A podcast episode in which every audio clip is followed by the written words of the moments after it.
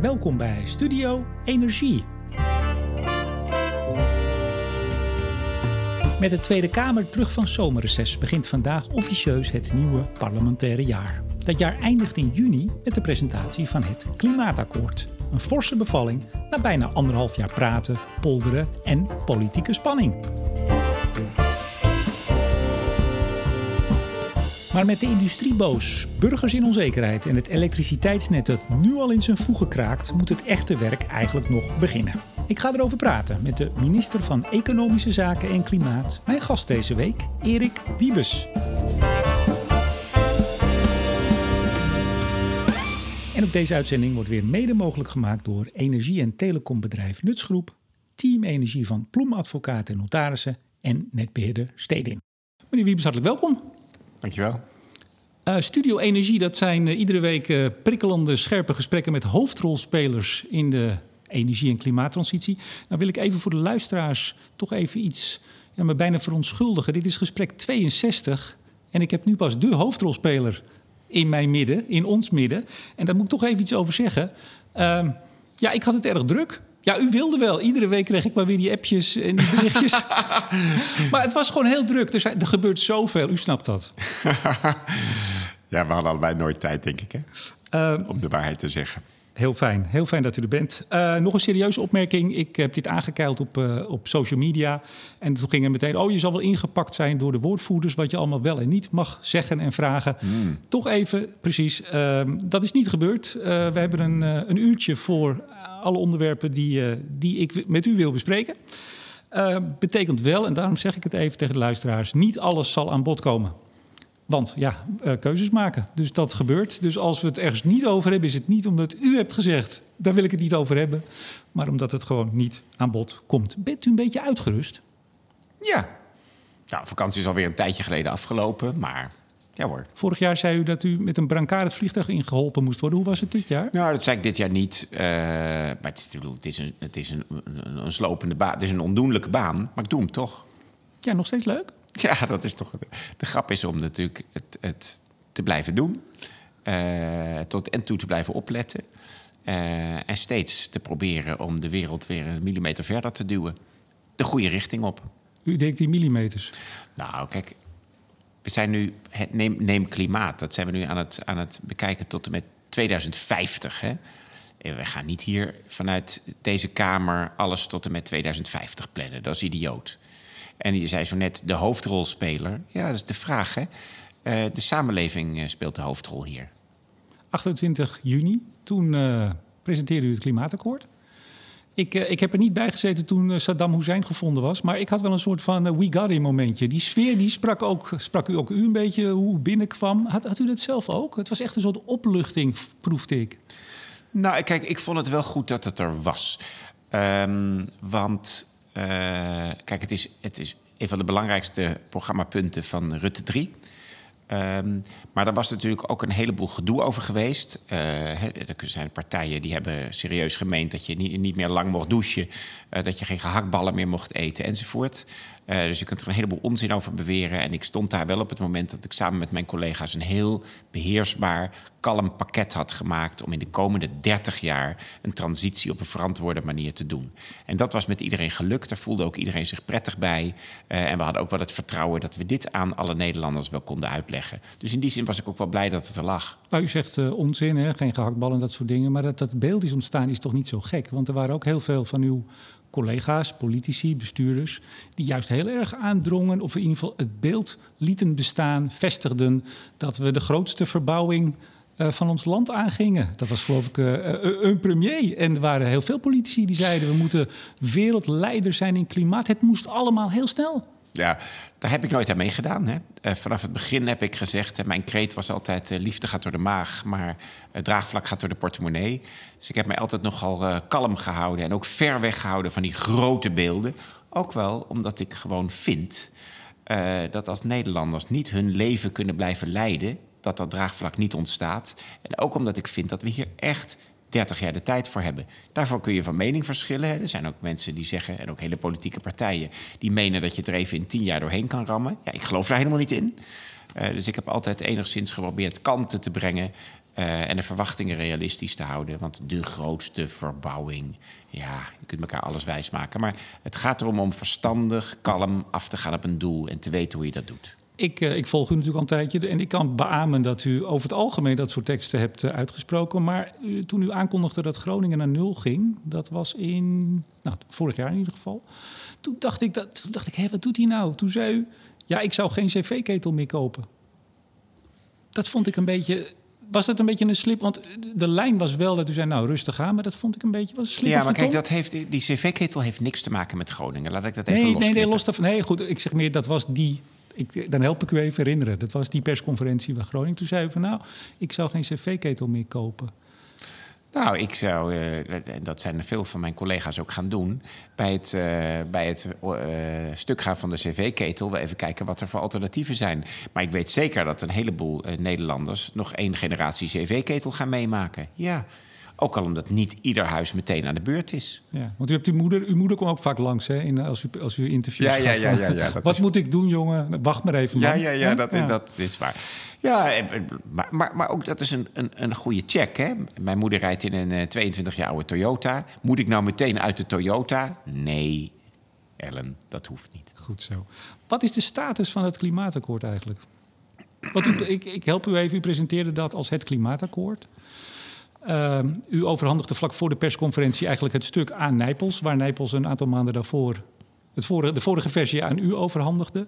Er staan ook wat, wat, wat gekke dingetjes in, bijvoorbeeld in de, de versie die de tafel had gemaakt. Er stond een mobiliteitstafel dat ze drie maatregelen onmisbaar vonden. In uw versie staat er de mobiliteitstafel vindt vier uh, uh, maatregelen onmisbaar. Is dat dan een redactioneel foutje? Of, of, bent u gewoon als kabinet met dat stuk aan de slag gegaan... hebt gewoon ingevuld de mobiliteitstafel... en is die tafel dat daar ja, dan mee eens? Vraag me even niet de, de, precieze gang van zaken aan de mobiliteitstafel... want dat hebben natuurlijk ook uh, collega's van mij gedaan. Um, maar kijk, we zijn als goede basis uitgegaan van wat de tafels hadden opgeleverd. Die hadden er heel verstandig over nagedacht... en die hebben een, een, een grote impact gehad. Maar er kan er maar één verantwoordelijk zijn om dit politiek te dragen en om uiteindelijk aan alle Nederlanders te vertellen wat we gaan doen. En dat is het kabinet, dat is de democratie. Maar had u niet gewoon het coalitieakkoord moeten noemen of de uh, kabinetsmaatregelen? Nee. Het is toch niet, want nu lijkt het, en dat zag je ook wel in de mediaberichtgeving, het lijkt nu of die tafels en al die honderd zoveel partijen het ermee eens zijn. En dat is nog maar de vraag. Nou, kijk, ze hebben allemaal dit aangeleverd met het idee dat zij dit tegenover hun achterban verdedigen. Uh, dat doen ze ook. En in heel veel van die achterbannen bestaat daar ook, uh, ook uh, draagvlak voor. uiteindelijk, weet je, we gaan niet een, een, nationale ondertekeningssessie organiseren. Maar het gaat erom dat al die achterbannen uiteindelijk hè, hun schouders kunnen zetten onder hun deel. Uh, ze hoeven het niet met elk woord in het hele klimaatakkoord eens te zijn, want dan kom je er helemaal nooit. Maar iedere partij moet zich om wat voor reden dan ook gecommitteerd voelen om zijn eigen bijdrage te leveren. Nou, daar lijkt het op. Maar dat betekent niet dat iedere partij juichend is over wat er staat. Nee, maar dat haal daar je lijkt ook het op, niet. maar dat is toch niet zo? Want u hebt in de versie waar zij het over eens waren, die in december vorig jaar is gepresenteerd, daar bent u als kabinet en als coalitie ingaan, ik zeg het met respect, gaan rommelen. U bent uw eigen beleidsvoornemens erin gaan schrijven. Dat wil dus helemaal niet zeggen, we komen straks op industrie. De industrie is helemaal niet blij met die heffing die u bedacht hebt. Nee, kijk, ik, ik, kan me voorstellen dat allerlei mensen in de industrie zeggen... doe ons maar niet. Maar het is wel zo dat, ik bedoel, dit is allemaal... Uh, allemaal besproken, ook met, met die partijen. Dus in dit geval ook met die industrie. Uh, ook woord voor woord. En ja, we hebben daar natuurlijk een eigen politieke verantwoordelijkheid in. Ik snap ook dat de industrie heus niet bij elk woord staat te juichen. Uh, maar wat wel doorklinkt, uh, is dat de industrie ook bereid is om samen met ons dit op een verstandige manier uit te werken. Ja. Het plan staat, daar kun je geen gat in schieten. de verstandige uitwerking zijn we gewoon mee bezig. en ik denk dus dat dat draagvlak daar ook wel komt. Ja. Maar staat iedereen bij alles te juichen? Nee, had je dat verwacht? Nee, Nee, ik ook niet. Goed zo. Um, toch even, er was een debat meteen 3 juli, een uh, paar dagen daarna. was een beetje een debatje van niks, hè? Vond u ook niet? Er gebeurde helemaal niks. Is de Kamer het er nu al mee eens? Of komt het nu pas nu uh, het parlementair jaar weer gestart is, Prinsjesdag? Nou, kijk, ik denk dat we de komende 30 jaar hier het over kunnen hebben. Hè? Nee, dat snap ik. Maar even die, maar, die, die 3 maar juli. Toen, kijk, ik denk dat iedereen daarin herkende dat er een aantal belangrijke elementen in zaten. En of je nou GroenLinks bent, uh, of je bent uh, de SP. Iedereen moet zien dat daar op een hele serieuze manier ingezet wordt om gewoon het klimaatdoel te halen. Punt. En iedereen moet gelezen hebben dat als we het bij de doorrekening niet blijken te halen, dat we het alsnog bijstellen om het wel te halen. Dus klimaatdoel gehaald. Ja, toch? Het tweede is dat er wel heel serieus ingezet is op de ontzorging van mensen in hun huis, uh, het verlichten van de energierekening, het zorgen dat het betaalbaar blijft. Dat is heel serieus gedaan. En dat kan iedereen zien. Maar de vraag is: is de Kamer het eigenlijk gewoon al eens met wat er ligt? Moet je aan de Kamer vragen. Wat is uw indruk? Dat moet je, nou, kijk, ik denk dat de grote hobbels. Uh, twee van de grote hobbels zijn genomen. Dat gaat om, om, om haalbaarheid en betaalbaarheid voor de mensen thuis. En de tweede is het doel wordt gehaald. En nogmaals, mocht ja, het bij de doorrekening niet worden gehaald... Jawel, maar mocht het... We rekenen het ieder jaar weer door, hè? Ja, dan passen dus we het aan. ja, ja, passen we het aan. Dus ik denk dat dat heel uh, belangrijk is. En dan hoeven we het nu verder... natuurlijk moeten we het nog uitgebreid over de uitwerking hebben. Halen we het wel, we halen, maken we het in de praktijk waar. Elk jaar kunnen we het er weer over hebben. Maar dat is niet gek.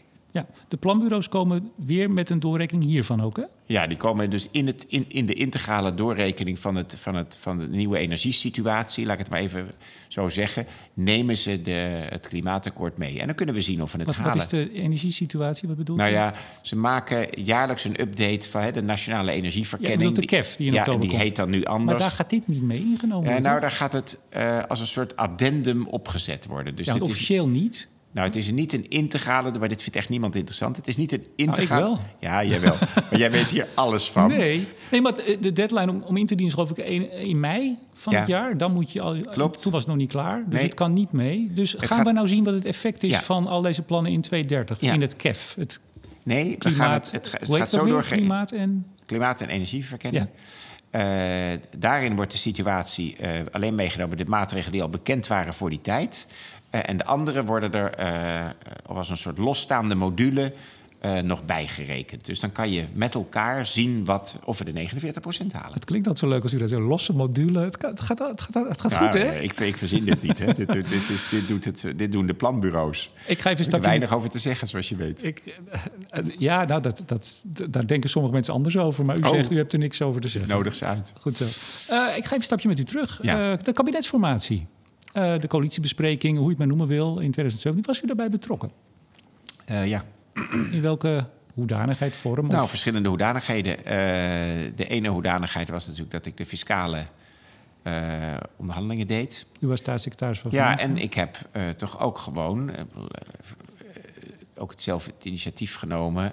en daar zijn we daarna op doorgegaan om een klein bommetje te laten vallen op het terrein van klimaat. Uh, kijk, ik had verkiezingsprogramma's door. Oh, oh, oh, een klein bommetje. Moeten we eens even zeggen wat het bommetje was? Ja, dat ga ik nu oh. vertellen. Nee, kijk, ik had verkiezingsprogramma's doorgerekend van partijen die vonden dat we iets met klimaat moesten doen. Uh, en ik vind dat ook. Uh, want ik vind het buitengewoon liberaal om je eigen rommel op te ruimen. Uh, als wetenschappers uh, op een ordentelijke manier hebben berekend dat er iets aan de hand is, kun je heel lang beweren dat je het beter weet. Ja. Maar als je het niet echt beter weet, moet je op een gegeven moment richten naar de laatste werkelijkheid. En als die weer verandert, verander je mee. Maar op een gegeven moment past het voor het openbaar bestuur om je te richten naar de nieuwste kennis. Ja. Dus ik vond dat er iets aan klimaat gedaan moest worden. Maar ik schrok erg van verkiezingsprogramma's waarin de jaarlijkse kosten afhankelijk van welke partij je neemt. En dan moeten we allemaal terug naar die boeken, dat is enige tijd geleden. Maar makkelijk tussen de 10 en de 20 miljard per jaar aan kosten heen en weer dansten. En ik heb toen eigenstandig, met alle data die de planbureaus toen hadden, uh, een eigen opzet gemaakt om te laten zien dat het veel goedkoper kon. En daar sta ik ook echt voor.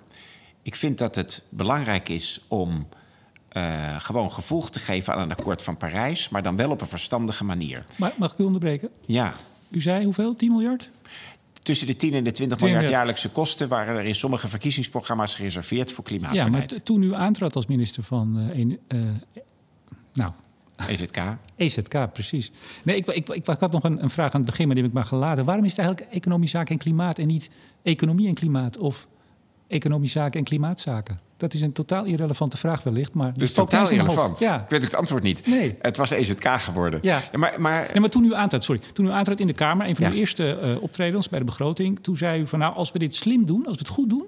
kost dit 1 tot 3 procent van het bruto binnenlands product. Ja. Per jaar tot 2050. Op, op tot 2050? Ja. ja? Dat, en, maar dat, dat is ongeveer 7 tot wel, 20 miljard. Maar dit ging over de kosten in 2030. En die kosten in 2030 die, en dat was toen al, dat was eigenlijk voor de formatie ook al duidelijk, hoeven niet verder op te lopen dan maximaal een half procent van het bruto binnenlands product. En dat is geen 10 tot 20 miljard. Nee, maar dan komen we op die... Want dat, dat, dat was ik ook zo verbaasd. Dat u, u had het in het begin, toen u als minister begon... over die 1 tot 3 procent. Ja, dat gaat dat is over lange termijn. half procent geworden aan nationale meerkosten... op het referentie. Dat, dat, snap, dus, dat snap ik ook zelfs niet meer, zeg ik nou, dan. ga ik dat nu uitleggen. Nee, laten we even We hebben maar een uur, hè, zeg ik. Dus maar dan, dan ga ik het heel simpel doen. Er hoort een ander getal bij 2030 dan bij 2050. Dat snap ik. Alle getallen die ik heb genoemd zijn nog steeds ruwweg actueel. Dus die halve procent voor 2030 dat is dus een half procent van het bruto binnenlands product. Dat is nu trouwens in de laatste raming nog lager. zijn dat die nationale kosten, zoals de ja, PBL dat zijn de nationale kosten. Want ik, als ik, ik vind het handig, maar misschien kunnen we dat nu meteen oplossen. Uh, eh, CE Delft heeft een keer een rapport gemaakt. Die zei, nou, we besteden nu ongeveer gewoon totaal 30 miljard aan energie in Nederland. Mhm. dat, dat is de som. Zo, alles. Alles bij elkaar. Ja. Zij schat in dat rapport dat het zo'n 50 miljard wordt per jaar met de hele transitie. Dan kom je op zo'n 20 miljard per jaar. Die orde grootte van 10, 20 miljard per jaar. Dat is toch niet zo'n hele gek, Maar vind je het gek dat ik even de planbureaus neem? En niet CE Delft. CE Delft is een advieskantoor. Ze kunnen een hoop. Maar ik hou me even aan de schattingen van het planbureau ja, maar die doen steeds die doen steeds die extra of die meerkosten bovenop het referentiescenario. En als je dan vraagt, wat kost het referentiescenario? Die hebben ze nog steeds niet. die kosten hebben ze nog steeds niet helder. Dus dan is het heel lastig praten over wat kost. Dat is natuurlijk de vraag die in de kranten en in de media, dat ziet u ook. Wat gaat ons dit kosten? Ja, dan is nationale meerkosten ten opzichte van het referentiescenario, dat, ja, dat bekt niet echt. Nou ja, kijk, als je alleen maar ging doen wat we al van plan waren, dan is, heeft het PBL daar wel ruwweg uh, de kosten voor. Ik bedoel, die zijn gewoon die zijn al onderliggend aan, aan, aan regeerakkoorden en, en wat dan ook. Uh, de extra kosten als gevolg van wat we extra doen in het klimaatakkoord zijn door hen geraamd op minder, nu inmiddels aanzienlijk minder dan die halve procent. En weet je, dat is heel weinig. Maar laten we even, even buiten de kokon van het klimaat treden. We hebben nu uh, veel minder dan een half procent aan kosten voor dat klimaatakkoord. De zorg kost inmiddels bijna 14 procent van het bruto binnenlands product. En dat stijgt nog aanzienlijk door. Dus we hebben het hier over een relatief kleine extra kostenpost. En ter vergeleken met de zorg, de AOW, eh, dat zijn de grote slokops, sociale zekerheid, uh, valt dit in het niet. Ik ga even terug naar de, uh, de regerings- of de, de coalitieonderhandelingen uit 2017. U had er dus een duidelijke rol. U was zelf, zei u, alle programma's gaan doorrekenen. Nou ja, ik heb dus een, een, iets neergelegd. Ja, u schrok van wat er stond. U dacht, dat was, slimmer. We moeten het wel doen, maar zonder ideologie, op een praktische manier, kosteneffectief. En we moeten verdomd goed de rekenmachine aanhouden. Want anders zijn we allemaal Nederlanders met veel te hoge kosten aan het opzadelen. Dat zijn de centjes. Maar u kwam ook tot 49 procent, waar Europa op 40 zat. Daar is natuurlijk ook heel veel over te doen geweest geweest en nog steeds. U zei dan altijd, en dat zegt u denk ik nog steeds... we gaan niet meer doen, maar we beginnen eerder aan de wedstrijd. Ja. Maar ik heb uw, uh, uw premier een keer bij uh, Publieke Zaken... daar was u ook een keer te gast... Uh, horen zeggen, nou, wij gaan niks meer doen dan Europa. Nou, kijk, Hoe zit het? Dit is ook, het staat gewoon keurig in het regeerakkoord. Um, wat we hebben gezegd is, wij gaan vooral eerst inzetten op 49 procent. Wij gaan vervolgens uh, Europa proberen te krijgen op 55 procent. En als dat gebeurt, gaan wij mee met dat 55 procent regime. Als Europa de 49 procent niet haalt, dan is het, betekent niet automatisch dat we naar beneden gaan, maar het betekent wel dat we ons opnieuw op onze positie beraden. Maar de inzet nu is er niet op gericht om ons op onze positie te beraden, maar om de andere landen mee te krijgen. En verdomd, uh, stapje voor stapje voor stapje verstijgt het draagvlak daarvoor in andere landen. Nou, komt dat door Nederland of wordt er gewoon sowieso in Brussel? Want er, er werd natuurlijk al gekeken van ja, die 40% in 2030, dat is echt belangen na niet genoeg. Ja, dat komt door beide, maar wij spelen daar ook wel echt een rol in. Kijk, Nederland is ook door, door onze premier in alle eerlijkheid, uh, is wel een land waar naar gekeken wordt. En we hebben bijvoorbeeld enorme invloed uh, op Duitsland. We hebben een hele actieve dialoog met Duitsland, buitengewoon constructief. Uh, daar luisteren ze ook naar dat gekke buurland. Uh, en Duitsland is natuurlijk wel weer een hele belangrijke partij. En heel veel landen kijken naar Duitsland. We hadden laatst hè, het deel van het Duitse kabinet op bezoek. Buitengewoon mooie ontmoeting. Echt, ja. ja ik geloof het, u, straalt helemaal. Serieus, ja, dat vond ik heel erg... Uh, en die zeiden, oh Erik, wat ben jij goed bezig. Nee, dat ja, ben je gek geworden. Maar kijk, het is wel zo dat ze luisteren naar dat gekke buurland... wat het wat het op een hele rationele manier oplost. Kijk, als je een Duitser vertelt dat je dat op een hele wetenschappelijke, gefundeerde manier richt op de allerlaagste kosten voor de samenleving, reken maar dat het Duitse kabinet daarnaar luistert. En wat ook leuk is, kijk daar in de Kamer, daar in het katshuis, dat is wel grappig, zijn natuurlijk Merkel en ik de twee techneuten. Dus ja, dan vind ik dat ook echt leuk dat ze er is. Ik vind het ook een enorm indrukwekkende uh, persoon, ook hoe ze opereert. Maar het is ook wel leuk om samen even gewoon techneut te kunnen zijn. Nou, wat heerlijk. Ja. Ja, u, nou, u straalt nog meer dan net. Het was gewoon geweldig goed. Nou, nou, nou groot respect voor de Duitsers. In, de, in uw brief van 28 eh, juni, waarbij de brief bij het uh, akkoord, zal ik maar zeggen, daar schrijft u ook, en dat hebt u vaker gezegd, hè, door eerder te beginnen aan de wedstrijd, zeg ik dan even. Maar aan de wedstrijd. Heb, uh, bouwen we een voorsprong op ten opzichte van andere landen. Snapt u dat dat met wat hoongelach is ontvangen, gezien de positie van Nederland. Begrijpt u dat? Je, je mag overal over lachen. Maar, nee, dat snap ik. Ja, begrijpen. Ik, ik bedoel, iedereen mag in het begin sceptisch zijn. Maar laten we even, mag ik dan even toch een pleidooi hiervoor houden? Uh, ik ben hier zeer serieus in. Kijk, er is geen andere mogelijkheid dan dat wij, neem sectoren als de petrochemie, dat we die op een, op, over 30 jaar op een andere manier hebben ingericht. Wat heb je nodig om over 30 jaar nog chemie te kunnen hebben? Dan moeten de C'tjes, de O'tjes en de H'tjes op een andere eh, manier naar binnen komen dan nu. Niet meer uit ruwe olie. Uh, dat moeten we anders gaan inrichten. Dat komt uit afval, uit biomassa, uit wat dan ook. Uh, en we zien allemaal dat een deel van het petrochemisch complex wat we nu hebben, daar nou al heel geschikt voor is. En een ander deel helemaal niet.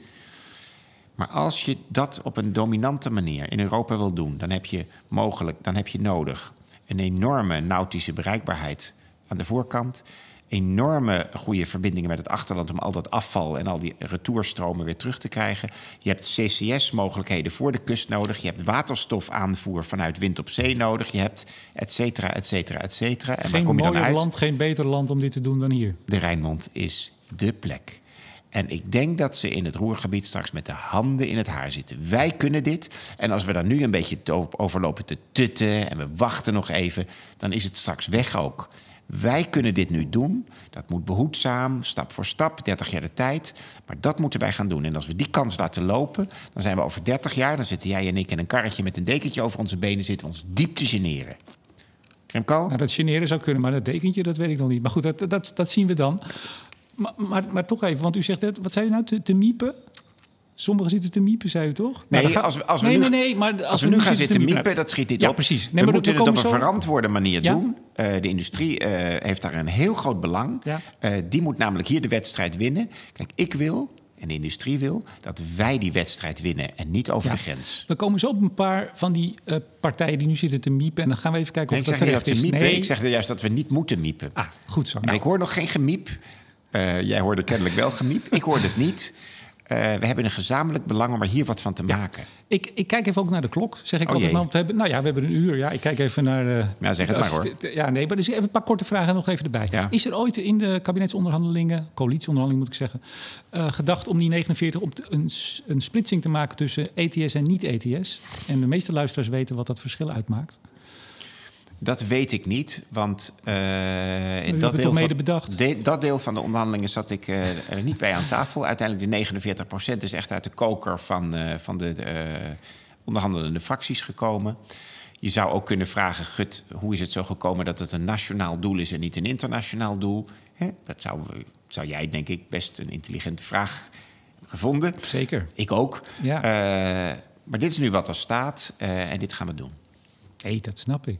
Maar mm. mag ik u dan toch als rationele uh, beta-nerd, en dat zeg ik complimenteus, Dank je. Uh, vragen of voorleggen dat het toch veel slimmer was geweest om te zeggen: we hebben dat ETS, dat is door Europa wordt het gedreven. Dan gaan we naar 43% reductie in 2030, sowieso, want meer rechten zijn er dan niet. Mm. En we gaan zelf een mooi plan maken, nationaal, in de sectoren waar wij als Nederland aan de knoppen zitten. Want dat zitten we niet in het ETS. Was dat niet veel, nou, veel schoner, mooier, cleaner geweest? Kijk, op zich is die kans er nog steeds. Want wij vinden de het, uh, snelheid waarmee het pad van e- de ETS-rechten naar beneden gaat nog niet genoeg. Uh, de Stability Reserve gaat misschien echt niet alles repareren. Uh, dus wij zijn ambitieuzer. Maar als het zo is dat we met andere landen, zoals bijvoorbeeld Duitsland, zouden kunnen inzetten op een ambitieuzer ETS. Het is een, ik vind het een echt fantastisch systeem. Maar als we daar de knoppen kunnen aandraaien, dan wordt natuurlijk ook automatisch uh, de systemen die wij verzinnen worden overbodig. Dan wordt de ETS-prijs hoger. Dat geldt dan voor iedereen. Uh, dan gaan we echt in Europa af op een hervormende industrie. En dat is bij het huidige opzet van ETS eigenlijk nog net niet het geval. Ja, want, maar ook een deel van de problemen en misschien ook de ik zei het in de intro, de, de industrie die uh, nou, op zijn minst niet blij is, is omdat u eigenlijk als land, als het kabinet, grijpt in in dat ETS. Die probeert daar iets voor elkaar te boksen, wat heel lastig is. Maar dat doen we natuurlijk, dat is vormgegeven als een minimumprijs naast ETS. Dus naarmate de ETS-prijzen uh, hoger worden, gaat dit systeem minder bijten. En dat is, ook niet, dat is dan ook precies goed, want dat betekent dat het systeem ja. gaat werken en dat wij automatisch de doelen halen. Gaan we zo nog even op. Ja. Uh, dat tafelproces met die vijf tafels en al die partijen. Toen u begon, toen zei u, ik ga op tonnenjacht. Ik ga tonnen CO2 uh, zien te halen. Ik ga, uh, ik ga aan tafel met de partijen die ze kunnen leveren.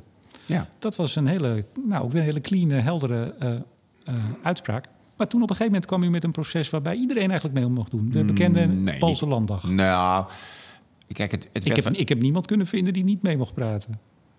Oh, werkelijk? Nou, die hebben zich dan blijkbaar alleen met mij gemeld. nee, kijk, het was een beetje... Uh, ik zeg het altijd wel uh, een beetje als grap. We hebben het een beetje natuurlijk... Het voelde aan als een kabinetsformatie met 150 partijen. Uh, maar verreweg de meeste partijen leverden echt tonnen. er waren ook partijen die erbij zaten om dat draagvlak verder te verbreden. Ik bedoel, Greenpeace levert geen tonnen. Als je ziet hoe, hoe, bijvoorbeeld Greenpeace of de NGO's, als we het iets breder pakken, hoe die ageren toch tegen bijvoorbeeld CCS. In hoeverre uh, vindt u dan dat zij draagvlak leveren voor die grote verbouwing, die adaptieve verbouwing? Hè, we gaan media aanpassen. Zijn ze niet misschien toch ook bezig, en misschien ook nog wel andere partijen, om dat draagvlak te ondermijnen? Nou, ik heb echt niet de indruk dat het Greenpeace is die draagvlak bij uh, uh, huiseigenaren of autorijders ondermijnt. Ik, we kunnen ons voorstellen dat er een hoop berichten door de brievenbus komen uh, die mensen ongerust maken, maar dat heeft Greenpeace niet gedaan. Hm. Ik, denk dat, uh, ik denk dat deze partijen, hè, dus zoals, ik ze altijd noem, de groene NGO's, uh, wel, kunnen hebben wel daartoe kunnen hebben geleid dat er, dat er breder in de maatschappij onder andere organisaties of onder andere politieke partijen dan in de coalitie wel voor meer draagvlak hebben gezorgd.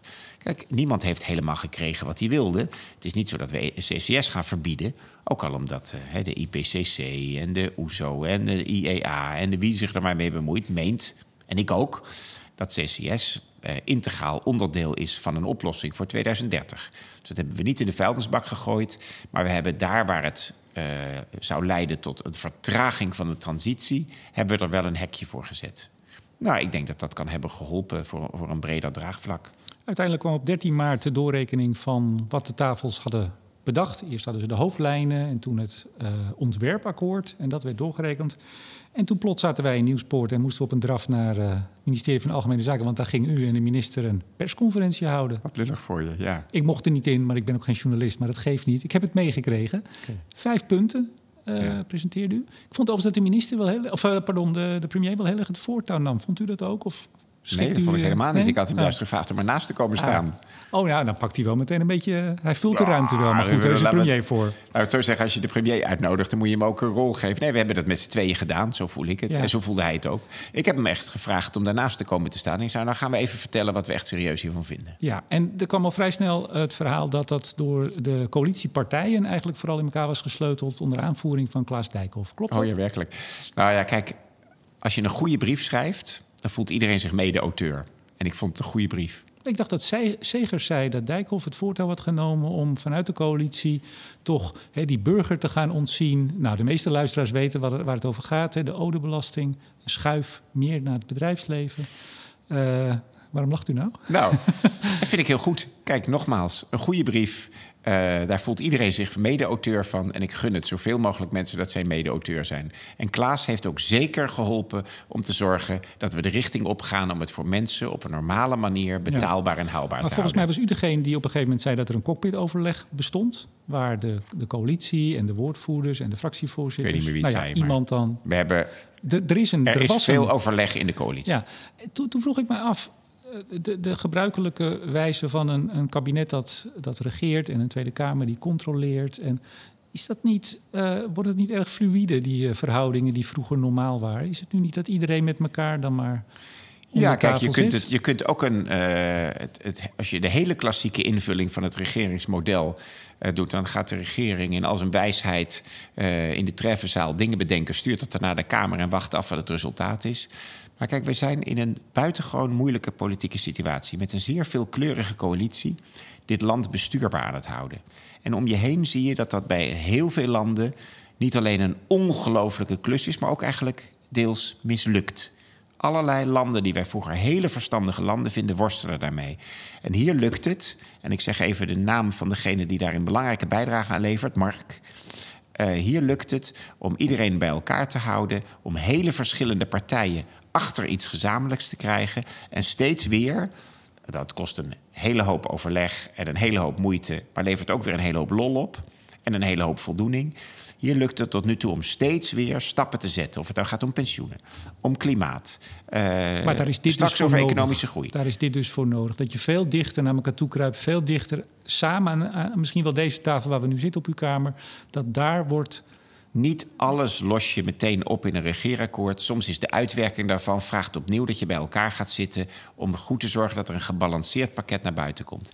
En dat is ook wel waardevol, want al die verschillende partijen die staan ook voor levende sentimenten in de samenleving. De ChristenUnie heeft andere uh, voorkeuren, uh, maar ook angsten dan de VVD. En, en, en samen uh, stelt dat ons in staat om iets te maken wat voor allerlei groepen acceptabel is. En daarom zijn we nu op een klimaatakkoord uitgekomen wat de 49% gaat halen, uh, maar waar niemand nou meteen zijn teen aan hoeft te stoten. Wat geduldig is en wat iedereen laat zien dat we dit doel halen zonder de mensen om de kast te jagen. Ik, ik, heb, ik heb iets staan voor later in het gesprek, maar ik pak hem toch nu vast. U zegt maar steeds dat gaan we halen, die, die 49%. Maar we moeten volgend jaar het energieakkoord halen. En daar hoor ik ook al vijf jaar van, zes jaar, dat we dat gaan halen. En dat gaan we dus niet halen. Dus zou u niet ietsje uh, voorzichtiger moeten zijn met dit soort uitspraken? Nou ja, we, gaan, we, hebben, we hebben hier nu elf jaar de tijd. Uh, en we gaan jaarlijks kijken of we het halen. Maar dat hadden we met het, we hebben met het energieakkoord 2013. Er kwam een borgingscommissie op. Er werden pakketten, als bleek dat het Ed Nijpels, de borgingscommissie. En die zei nog tot vorig jaar, 2018, de doelen zijn binnen bereik. Dat vind ik zo'n mooie zin. Ja, betekent maar, helemaal niks. Ja, het kan, betekent, gaan we absoluut niet halen, maar het is binnen bereik. Als, nou ja, goed. Dat, dat, ja, maar zelfs mij maakt dat wel wat cynisch, moet ik u eerlijk zeggen. Nou, kijk, Dit soort laten we het zo teksten. doen. Laten we de doorrekening afwachten. Uh, wat er dan niet gehaald wordt, dat gaat bekeken worden met extra maatregelen. Dat wat in de doorrekening wel lukt, moeten we uitvoeren. En ik weet zeker dat we nog vele keren tussendoor zullen moeten bijsturen uh, enzovoort. En laten we dan in 2030 kijken of het gaat. Ja, maar is het dan niet veel mooier, ook bij dat, die coalitieonderhandeling, om te zeggen: we gaan voor 47 tot 51 procent? Dat we pakken een marge. Want dat, dat, je krijgt het natuurlijk ook met die doorrekening. Het gaat op tienden van megatonnen. En het was allemaal indicatief, die, dat lijstje in het regeerakkoord. Maar het werd uiteindelijk werd het gewoon in steen gehouden. Maar indicatief is het altijd. Maar daarom bekijk je ieder jaar weer met de meest recente kennis wat het gaat worden. We hebben hem trouwens wel iets ruim gedimensioneerd hoor. Ik moet nog even zien hoe dat in de doorrekening uitpakt. Maar we hebben net geketerd voor iets meer dan 49 procent. We hebben wat reservetonnen erin zitten. Nou, ik ben benieuwd of dat in de doorrekening doorkomt. Maar weet je, Remco, uh, als het niet klopt, dan zijn we het najaar weer bezig met het uh, opvoeren van extra maatregelen om het uiteindelijk te halen. En dat moeten we ieder jaar doen. Ja, en dan nog geeft dat geen garantie dat we in 2030 staan waar u nu denkt... Ja, garanties bestaan Wat is het ook weer? Stofzuigers tot de voordeur? Ik weet het niet meer. um, even, we gaan het, naar de inhoud van het akkoord. Ja. Uh, ik zet even wat vaart erin. Uh, haalbaar en betaalbaar. Ik geloof ja. dat de VVD later nog behapbaar of zoiets erbij maakte. Maar haalbaar en betaalbaar. Ja. U, u weet trouwens een nieuwe woordvoerder, hè? Tuurlijk, in de Tweede Kamer. Klimaat voor de VVD. Wist u al lang natuurlijk. Nou, bedoel, dat weet de fractie ook nog maar, nog maar net. Okay. En ik weet het, uh, Iets eerder. weet het natuurlijk ook al even. Ja, nee. um, even haalbaar en betaalbaar, wat betekent dat? Nou kijk, het betekent dat daar waar het mensen gewoon thuis raakt... het huis en de auto... Uh, hè, dat mijn, uh, mijn moeder er niet meteen nu uh, de 22 jaar oude Toyota wordt uitgejaagd. Uh, dat jij niet nu ineens 25 mil op tafel moet leggen om je huis even te verbouwen. Uh, dat, het, dat het dat je ontzorgd wordt, dat je niet zelf het wiel hoeft uit te vinden, dat je begeleid wordt, dat het mogelijk dat, is. Dat snap ik, maar je kan ook zeggen dat de woorden haalbaar en betaalbaar ontzettend leeg zijn. Want betaalbaar, wat voor u betaalbaar is, is het misschien voor mij niet of andersom. Oh, maar dat en haalbaar wil net zeggen, als meneer Nijpels, de doelen zijn haalbaar. Wil niet zeggen dat ze gehaald gaan worden. Dus zijn het, is het niet wat loze, Nou, Nee, loze mag ik, even, mag ik ze dan in? Laat me ze dan invullen. Want betaalbaar betekent bij de woningen dat we inzetten op woonlastenneutraal. Dat is echt geen lege kreet. Dat is een huzarenstukje, woonlastenneutraal. Ja, ik, ik pak me. Ja. ik vind dat wel een loze kreet als ik zo vrij mag zijn. Nou, maar dan, dan, Want u- dan komen we bij jou aan de deur Nou, nee, nee, en maar dan het, komt het het- eroverheen. nee, maar het kabinet zegt wij streven. En altijd dat woordje streven, daar word ik altijd een beetje angstig als ja, het dat komt staat. omdat je niet voor ieder huis afzonderlijk kan uitrekenen. Maar je kan wel uitrekenen hoe het gemiddeld voor een woningtype uitpakt. en dat het- moet gekke- woonlastenneutraal zijn. Ja, maar het, ja, dat, dat zegt u. Ik, heb- ik heb er even bij. Het streven eh, in het pakket staat. Het streven staat centraal om voor steeds meer huishoudens woonlastenneutraliteit binnen bereik te brengen. Het is, het is nog ingewikkelder dan ik, eh, dan ik al zei. Er staat niet gewoon, dames en heren, het is woonlastenneutraal. U gaat niet meer betalen. En wat nou het gek is, die tekst die ik u net voorlas, staat in uw brief van 28 juni. Gert-Jan Segers, eh, twee weekjes later, in een fantastisch leuk gesprek met Ronald Plasterk. Wie was dat ook alweer? Die Ja, is weer terug. ja, oh ja, Over aardgas vrijmaken zegt Gert-Jan Segers, leider van de ChristenUnie, coalitiepartij. Die zegt, nou dat gebeurt alleen als netwerken vervangen moeten worden... of als de kosten kunnen worden bespaard en bewoners oftewel, ofwel evenveel ofwel minder voor hun energie gaan betalen. Hij zegt hier, het is een tweet, maar goed... hij zegt hier niks meer dan wat ze nu betalen. Dan vind ik die tekst, het streven ernaar om het binnen bereik te brengen... U bent politicus genoeg om te weten dat het staat er niet voor niks zomaar. Nou, dat staat er ook omdat je niet eh, voor iedereen eh, en voor iedere situatie die garantie kan geven. Kijk, we hebben ook gezegd, de energierekening... eh, en daar waar het gaat om de door de overheid veroorzaakte lasten... die lasten die gaan omlaag. Maar daar, moet je, dan, daar kan je nooit garanties geven over een individueel huishouden. Want jij doucht op een andere manier dan ik. En je hebt misschien meer of minder mensen in dat huis wonen. Je hebt een ander type huis. Je hebt ander stookgedrag. Nee, maar die mensen zeggen, dan, Dus- laat, laat ik mezelf nemen. Als ik zeg, nou, ik douche lekker lang, dat doe ik nu ook. En dat wil ik ook kunnen blijven doen. Dat zegt de VVD sowieso, uw partij. Die zeggen, hè, we gaan niks anders doen. Dan zou het toch mooi zijn als u nu zegt... wij garanderen die woonlastenneutraliteit. Dan krijgt u zelfs applaus van de Telegraaf. Ja, kijk, het is heel mooi om applaus te krijgen, maar je moet wel iets vertellen wat je kan waarmaken. En je kan, wat je kan waarmaken is dat je voor allerlei woningtypen eh, op het moment dat ze aan de beurt komen zorgt voor een woonlastenneutraal pakket. Maar je kan het nooit op individueel huishoudeniveau garanderen. Nee, maar dan zegt u wat meneer Seger zegt, dat klopt dus niet. Althans, die conclusie trek ik dan. Nou ja, ik zeg, eh, ik heb nergens gehoord dat meneer Segers zegt dat we een huis-aan-huis garantie voor iedereen geven voor hetzelfde Ja, effect. dat is een beetje een woordenspel, hè? Nee, ik denk dat we echt... We hebben vaak genoeg in de coalitie met elkaar gesproken. We kunnen, eh, we kunnen niet voor individuele huishoudens garanties geven. En er is ook niemand die dat verwacht. Ook in de fiscaliteit en in koopkrachtplaatjes. Je kunt nooit garanties geven voor individuele huishoudens. Dat is echt onzin. En dat moeten we ook, zeg maar... Die dat hele idee in de media soms, of in het publieke debat...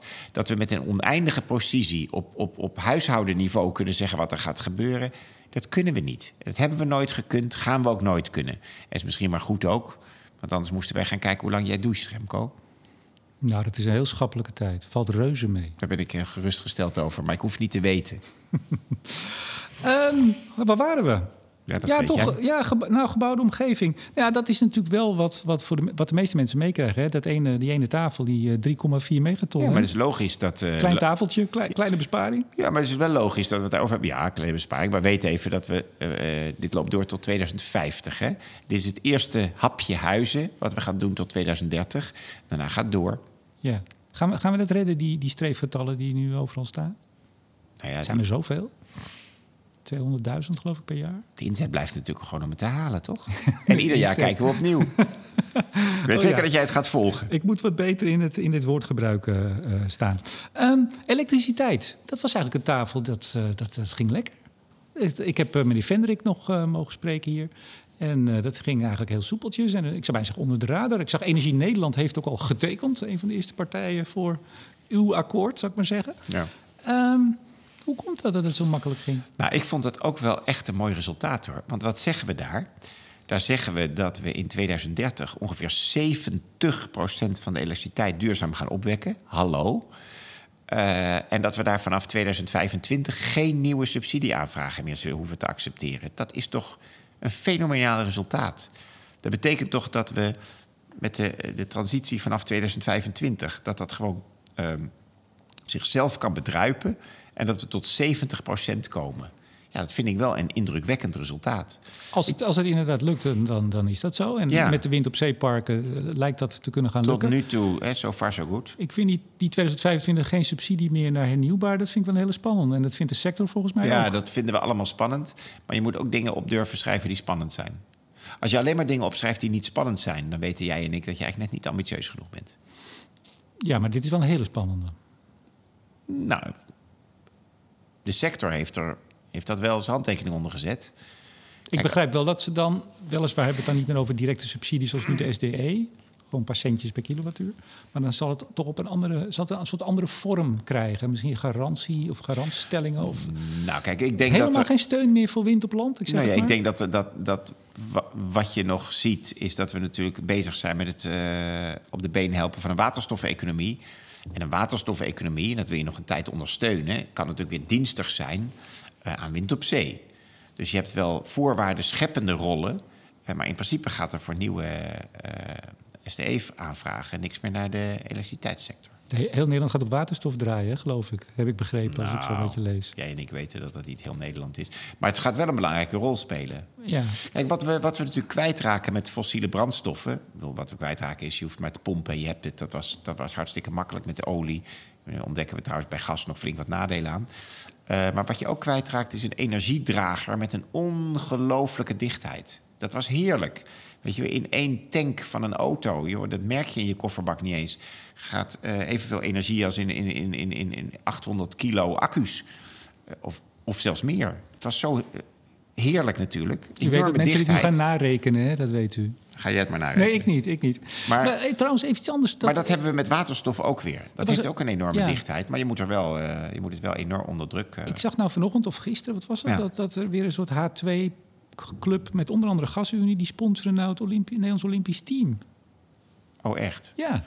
Sorry, ik loop olympisch altijd wat achter. Ah. Nou, er, zag, er was meteen wat, een kritische vraag. Dat vond ik wel een terechte. Waarom moet een staatsbedrijf eh, eh, eh, H2, waterstof, als eh, de oplossing gaan eh, promoten... en daar zelfs nog met sponsorgeld de sporters voor mee gaan sponsoren? Over sponsorgeld weet ik niet veel. Maar waarom eh, organisaties die een rol spelen in de energietransitie... zich gaan instellen op waterstof is heel logisch. Omdat ze behoefte hebben aan een energiedrager. Niet alles gaat straks door koperen leidingen.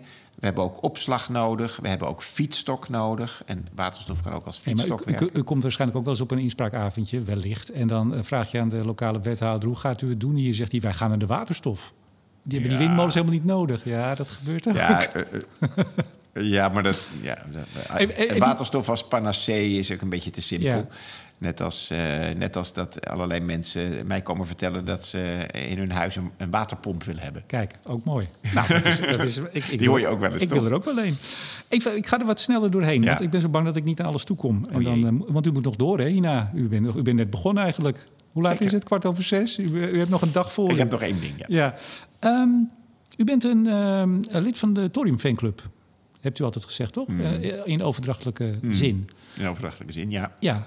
ehm, en, en, maar u zegt tegelijkertijd, hè, er zijn altijd mensen eh, die, eh, zodra het hierover gaat, zeggen: thorium, we moeten aan de thorium. Al dat gedoe met al die zon- en windgedoe. Ehm nou zegt u altijd van ja, dat, dat, he- dat heeft gewoon geen, hoe zegt u het ook weer, positieve business case of geen sluitende business case. Zo, zo formuleert u het meestal.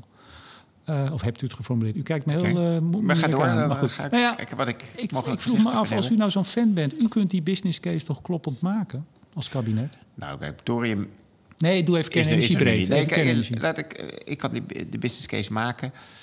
Ehm, ik zeg altijd, dat weet ik zeker dat ik af en toe zeg... dat ik net mijn 35-jarig jubileum heb gevierd als voorstander van kernenergie. De veiligste vorm van energie... eh, waarvan vele organisaties die rekenen aan de energiemix van eh, over enige jaren... in de mix opnemen. Eh, je komt altijd uit op dat er ook kernenergie een rol zou kunnen spelen. En ik denk dat dat al het geval is bij derde generatie kernenergie. Maar nucleair vierde generatie is nog weer veiliger. Die ligt er nog niet. Maar er zijn allerlei landen bezig dat te ontwikkelen. Nederland uh, doet daar trouwens ook het een en ander uh, aan in, uh, in Delft. Zo, hè? Ja, het is toch wel beperkt, beetje. maar we zijn ook niet zo'n heel groot land. Um, maar op dit moment, laten we vaststellen, liggen er geen aanvragen van kerncentrales. Er is op dit moment ook nog voor 2030 uh, geen noodzaak om dat in de mix op te nemen. Maar en op dat- dit moment dat- is ook het draagvlak er nog dat, niet. dat is met alle respect, dat vind ik een beetje flauw. Dat er geen, nee, natuurlijk meldt zich geen bedrijf bij u, om, omdat het business case niet klopt. Zoals als u op dit moment de SDE intrekt, er ook geen, zonde, of geen, geen windmolen meer neergezet wordt. Dus dat, dat, het is een beetje jammer misschien. Nou, ik denk dat we het nu in de mix ook nog niet nodig hebben, maar dat kan wel komen. Maar dan moet je toch nu juist, bij kernenergie moet je dan toch juist nu hem eigenlijk opnemen in je plannen en zeggen, nou, dan... Dat, En dan gaan we nu een SDE oprichten. Om, uh, maar denk je dat dat op dit moment politiek wind zou vangen? Nou, dat wou ik net zeggen. Ik denk dat dit politiek geen uh, Ik denk dat het ook heeft. nog niet zo is. Nee. Nou, voorspel ik iedere vijf jaar van, uh, nou, uh, over tien jaar is het zover. Dan komt het draagvlak. Daar heb ik tot nu toe altijd een beetje te hard voor de muziek uitgehold. En misschien dat dat weer zo is. Maar ik denk dat dat draagvlak er ook wel een keer komt. Het elektriciteitsnet. Ik heb daar vorige week een stukje over geschreven in het Financieel Dagblad. Uh, dat piept en kraakt in zijn voegen. En we zijn nog lang niet waar we eigenlijk zouden moeten zijn volgend jaar. Wat is er aan de hand?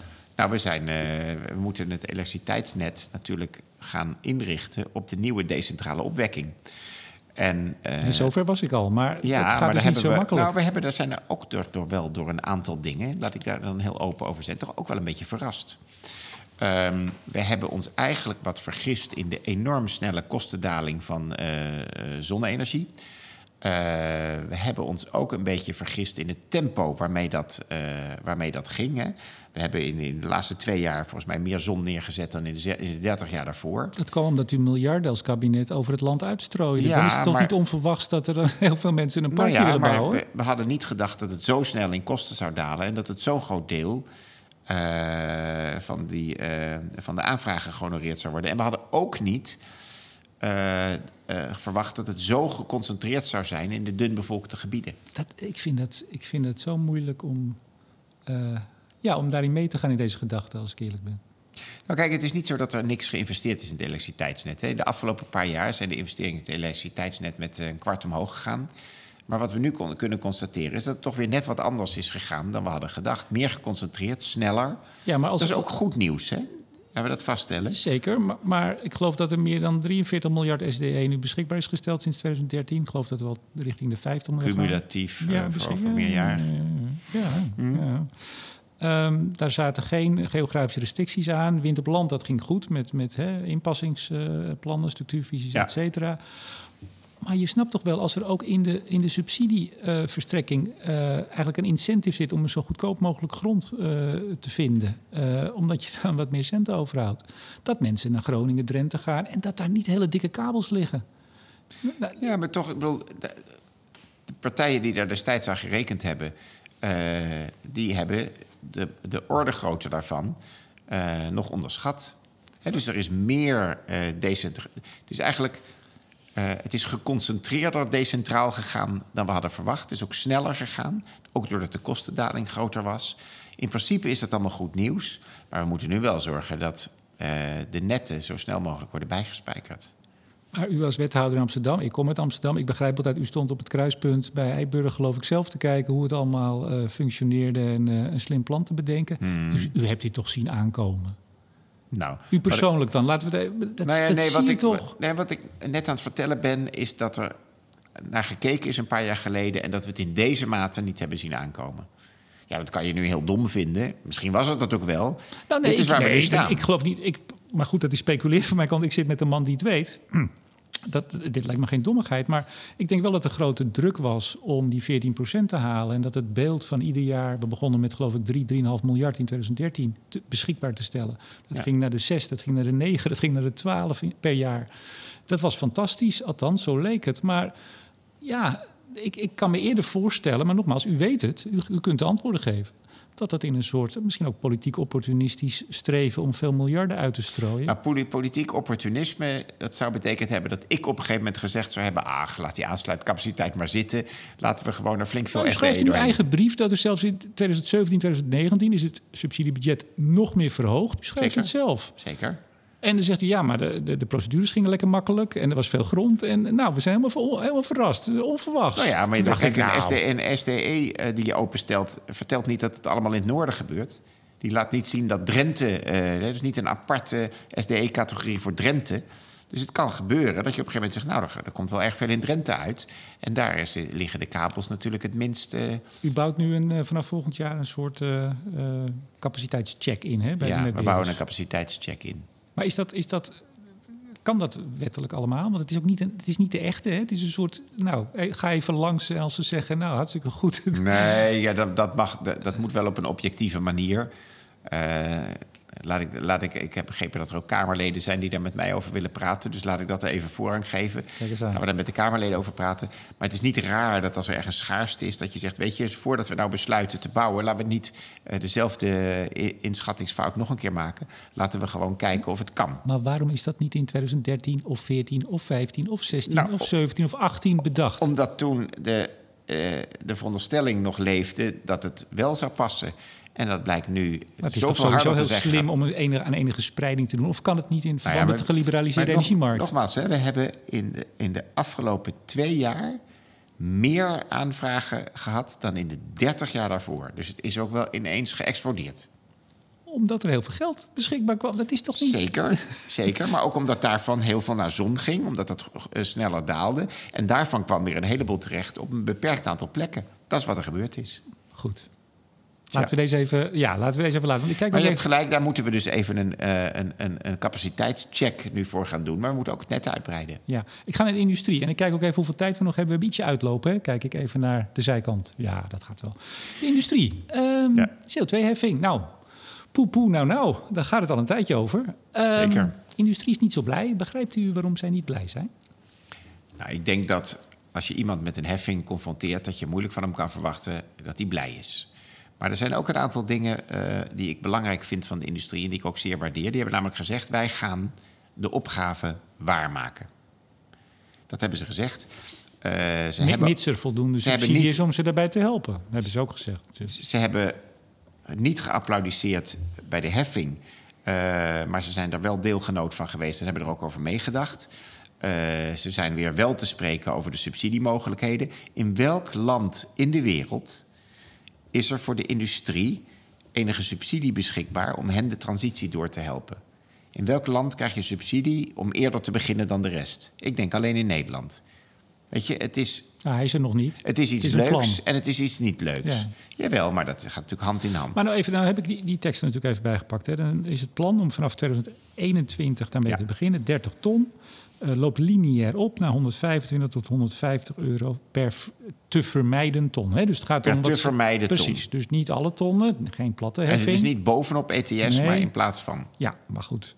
Bij 150 is ETS waarschijnlijk. Nou goed, dat is misschien maar ja, een Als de ETS op 150 staat, dan zijn we er ook. in. Nou, is dit misschien nog wel, is misschien nog wel uit te komen uh, als dat helder is. Dat er duidelijkheid is voor die bedrijven. Ja. Van, van de grote 12, nou, u kent ze allemaal goed. Ja. Ik geloof 11 het hoofdkantoor 11. buiten Nederland hebben. Ja. En nou is het punt, en dat staat ook, schrijft u ook in uw brief en in het akkoord natuurlijk, dat ja, er wordt gekeken. Ik ga dat maar niet uitleggen aan de luisteraar, maar het heeft met de benchmark te maken. Hoe gaat kijken van hoe, hoe gedraagt zich ten opzichte van andere uitstoters in andere landen. Doen ze het nou uh, goed, dan uh, hoeven ze minder te betalen of niet. En doen ze het slecht, moeten ze wat meer betalen. Dat is het eigenlijk. Maar dat is eigenlijk nog helemaal niet helder hoe dat nou precies gaat werken. Ik begrijp dat er vorige week een overleg was, ook weer met de industrie. En ik kreeg daar terug van verschillende partijen van nou, ze hebben geen idee. Ik denk dat u dat bent. Nou. Ze hebben nog geen idee hoe die regeling moet gaan werken. Nee, Klopt dat? Nee.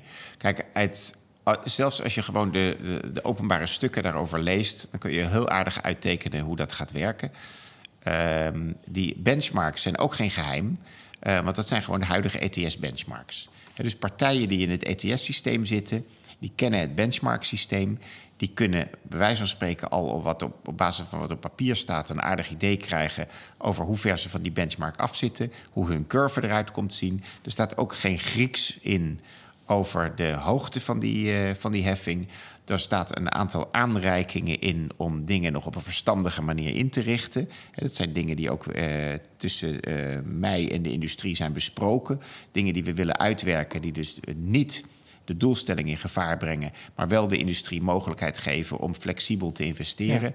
Al die dingen staan erin en die zijn in groot detail met de industrie uh, besproken. Ligt de wetstekst er al? Nee, maar de wet moet ingaan in 2021. Nee, maar er staat nog iets in en dat noemt u eh, volgens mij nu net niet, of ik heb niet op zitten letten, dat zou kunnen. Maar dat in 2020 en 2025, waarin de nieuwe ETS-benchmarks uh, beschikbaar komen, PBL weer gaat kijken in 2020 en 2025 wat nou de beginhoogte van de heffing moet zijn en wat die in 2030 zou moeten zijn. Precies. Als ik nu een groot bedrijf ben en ik wil gaan investeren in dit land, of ik, ik zit hier al, maar ik wil misschien iets verbouwen, dan denk ik, ik wacht wel even, want ik heb geen idee wat dit gaat doen. Nou, dat is Onzekerheid, geen... daar gaat het nee, om. Nee, dat is geen reden om te wachten. Want waar je, wat je namelijk wil weten als je gaat investeren, uh, is hoeveel moet ik reduceren? En daar kunnen partijen voor zichzelf al een heel aardig idee van krijgen. En of je nou precies voor dat wat je te veel uitstoot, maar het is niemands bedoeling uh, om te veel uit te stoten, maar om wat je te veel uitstoot, of je daar nou uh, aan een, aan een minimumprijs van 100 of 125 vastzit, dat is niet je belangrijkste. Het is ook niet zo dat je wacht met, wacht met de weg opgaan met je auto als je precies weet wat de hoogste is van alle boetes die je kunt krijgen. Wat belangrijk is voor partijen is te weten wat hun opgave is. Uh, ze kennen de benchmark. Deze industrieën weten verdomd goed waar ze staan gaan, nee, in het Europese even, die speelveld. Gaan dus, die, die, gaan dus veranderen. Dus ze weten niet als, als in 2020 en 2025 de aangescherpte benchmarks komen. Dat, dat is onbekend. Nou, laat ik zo zeggen. Uh, benchmarks worden zo nu en dan bijgesteld. Dat was in de ETS ook al zo dat is niks raars aan. Ze kennen die benchmarks al. Dat die soms worden bijgesteld, dat is uh, uiteraard nodig. Want anders werk je op een gegeven moment met verouderde gegevens. Maar het is echt niet zo dat industrieën volkomen onbekend is waar ze nou staan ten opzichte van hun peers in Europa. Hebben zich al bedrijven bij u gemeld van die grote twaalf die zeggen: Nou, wij gaan toch maar eens even een pas op de plaats maken met onze investeringen? Nou, er zijn wel bedrijven die natuurlijk even heel goed nadenken over of hun investeringsplan uh, nu het juiste investeringsplan is. Uh, dus er zijn allerlei directies uh, die nadenken: hè, hoe gaan wij het beste inspelen op deze nieuwe situatie? Er hebben zich geen bedrijven gemeld die zegt: voor ons is het verder klaar. Uh, maar er zijn wel bedrijven geweest die zeggen: Nou, wij moeten hier heel goed over nadenken. Wij kijken even of onze plannen die we hebben hier nou wel in passen en of die leiden tot dat doel. Maar het is een hele grote partij. Volgens mij Zeker. Dat is BP, heb ik begrepen uit de wandelgangen. Die heeft gezegd, nou, wij zijn bezig met een heel groot... Of ze waren al bezig, ze waren gewoon met vergunningen bezig... voor een uitbreiding van, geloof ik, boven het miljard uh, van hun uh, raffinaderij. Die zeggen, nou, wij gaan even twee, drie jaar uh, on hold zetten. Daar moet ja. u toch als minister van Economische Zaken niet vrolijk van worden? Nou, ik word nooit vrolijk van uitstel van investeringen. Dus er zijn ook nadelen natuurlijk aan een klimaatambitie. Uh, maar ik vind het wel goed dat deze partij gewoon tijdig gaat kijken of zijn investeringsagenda wel past bij de ambities. Dat kun je niet tegen zijn.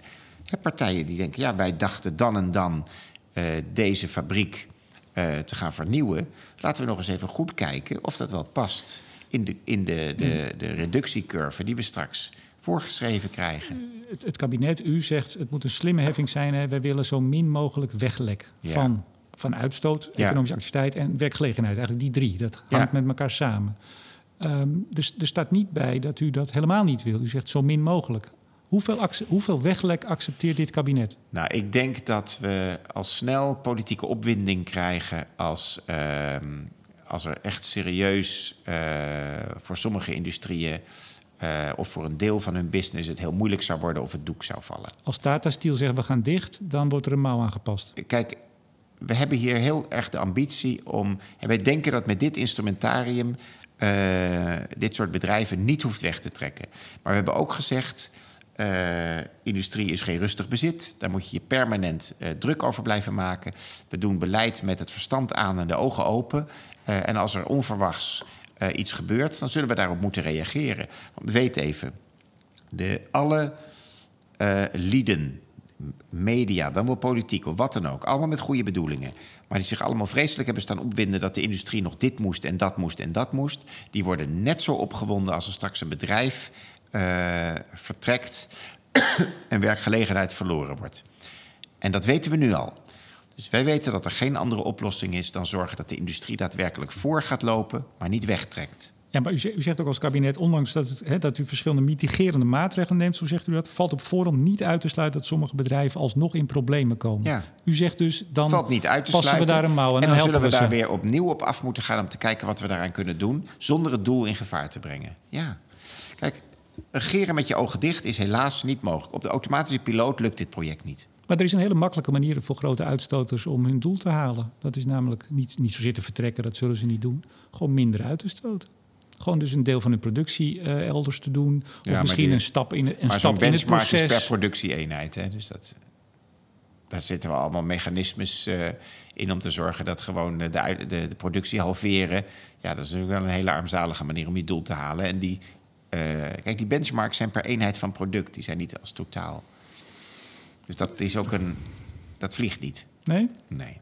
ze blijven. Ze blijven produceren en u gaat Ja, kijk, hand mijn in hand inzet, eh, mijn inzet halen. is dat de industrie hier blijft en hier transformeert. En dat we hier een voortrekkerspositie gaan Maar u, hebben. u, krijgt, u krijgt toch ook hele stevige signalen vanuit de industrie dat ze niet blij zijn? Of krijg ik die Oh. alleen? Ja, maar ik zo zeggen, ik krijg allerlei signalen uit de industrie. Ik krijg de- dat ze liever natuurlijk geen heffing hadden gehad. Vind raar? Eh, tegelijkertijd krijg ik eh, natuurlijk signalen dat ze heel blij zijn dat er ook een significant bedrag aan subsidie is. En dat krijgen ze elders niet. Dus dit is ook de kans om nu eh, voor investeringen te zorgen, zodat we over twintig jaar zeggen: kijk eens, een duurzame industrie zit in Nederland en daarmee zijn we in het buitenland mooi te slim af geweest. U zegt trouwens geen heffing, maar die bonus-malus-regeling die ze hadden afgesproken, eh, nou, daar waren, ze, daar waren ze het over eens. Eh, die is door het PBL eigenlijk afgeschoten als niet voldoende. Als nou die, ik zei het net, hè, of het nou 49 of misschien 47, als er een bandbreedte was geweest, had hij er misschien wel binnen kunnen vallen. Was, was u helemaal klaar? Ja, als. Kijk, eh, het is eh, niet aan mij om het PBL te gaan becommentariëren. Dat snap je ook. Eh, we hebben een scheidsrechter. Soms zegt de scheidsrechter dit en, en soms zegt hij dat. Het is altijd belangrijk als je in het veld staat om pas thuis te bedenken wat je van de scheidsrechter vindt. Maar het is eigenlijk niet zo goed dat je überhaupt iets van een scheidsrechter moet vinden. hè. Die moet eigenlijk heel- die moet geen onderdeel van het, eh, van het spel of het Zeker. debat Dus zijn. dat is allemaal voor thuis. En het is en niet voor op het werk. We gaan afronden. Want u hebt nog een, eh, een klus te doen. Eh, nou, u zegt die 49% gaan we halen. Ja, ik had nog staan wat, wat nou als het niet gebeurt. Maar u zegt dat gaan we gewoon halen. Dus Ja, wat is niet gebeurd? Kijk, nee, ik ga hem toch beantwoorden. Als volgend jaar blijkt dat we het niet halen, dan gaan we daarna de maatregelen er extra aan toevoegen dat we het Ja. wel halen. Als het jaar daarna dat weer. Weer- en gaan we weer doen. ja, Ja. dat is net het. als bij het Dit is energieakkoord. leven, hè? Net als bij het energieakkoord. En dan nog gaan we het niet halen. Maar goed, ik ben misschien te pessimistisch. U bent minister. en ik gelukkig niet. Ehm, eh, twee, drie slotvragen, denk ik. Ehm, ik, ik, ben, ik ben het aan het lezen, weer het hele akkoord. Ik heb ook het ontwerp gelezen. Nou, ik ben daar drie jaar ouder van geworden in een paar weken. ik heb het klimaatakkoord, uw klimaatakkoord, nog niet uit. Want het is weer verschrikkelijk. Het is natuurlijk voor een deel, groot deel hetzelfde. Het is niet doorheen te komen, maar ik probeer het wel. Uh, maar wat me zo uit opstijgt is dat het is zo over het eigen graf heen regeren. Hè? U bent over anderhalf jaar gaan we alweer naar de stembus.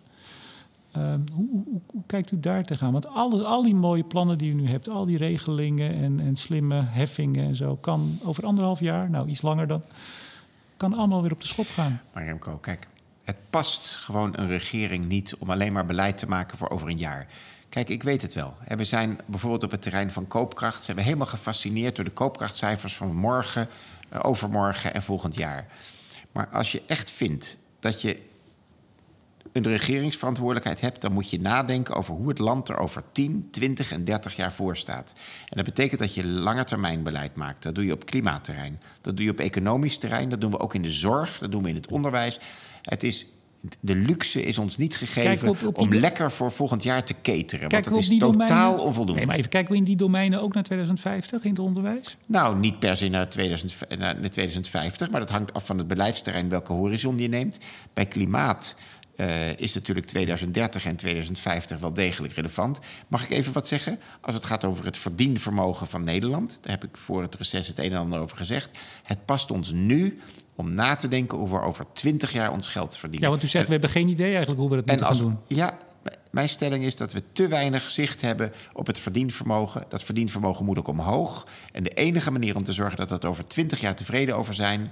als wij in dat, in dat karretje zitten met een dekentje over onze benen... is nu iets doen. Het zou heerlijk zijn als ik alleen maar beleid hoefde te maken voor volgend jaar. Maar dan was dit best een rustige baan. Ligt u wel eens wakker? Van, u bent dolle problemen, hè? Ik lig s'nachts problemen op te lossen. Ja. ja. Is er één waarvan u zegt, nou dat vind ik toch ook voor nu, we gaan nu naar Prinsjesdag en we gaan naar de Ja. algemene beschouwing. Is er één Ja. op dit terrein uiteraard, ik heb zoveel terreinen, maar op Nee. dit terrein waarvan u zegt, nou daar, daar dat vind ik echt een hele Nee, ik, ben nu, ik ben nu echt heel druk bezig met het verdienvermogen van de toekomst. En echt, dat, ik weet zeker. Dat heeft ook al bijvoorbeeld met klimaatambities te maken. Kijk, als wij, ehm, als wij nog draagvlak willen hebben voor welvaart, dan moeten we iets aan het klimaat doen. Maar het is, het is ook omgekeerd. Als we nog draagvlak willen hebben voor klimaatmaatregelen, moeten we allereerst zorgen voor nieuwe welvaart. Want als de kosten van de transitie uit de portemonnee moeten komen, in plaats van uit nieuwe welvaart, dan zijn we het draagvlak echt snel kwijt. Laat ik zo realistisch dan zijn. Draagvlak gaat door de portemonnee. Wij moeten zorgen voor een gezonde portemonnee, ook over 20 jaar. Anders gaat dit hele avontuur mis. Daar ben ik van overtuigd en daarom ben ik daar nu mee bezig. En helaas, ja, ook s'nachts. Erik Wiebes, minister van Economische Zaken en Klimaat. Hartelijk dank voor dit gesprek. Bedank ook deze week weer energie- en telecombedrijf Nutsgroep, Team Energie van Ploem Advocaten Notarissen en Netbeheerder Stedin voor het mede mogelijk maken van deze uitzending. En uiteraard bedank ik jou, beste luisteraar, voor het luisteren. Mijn naam is Remco de Boer. Graag tot volgende week.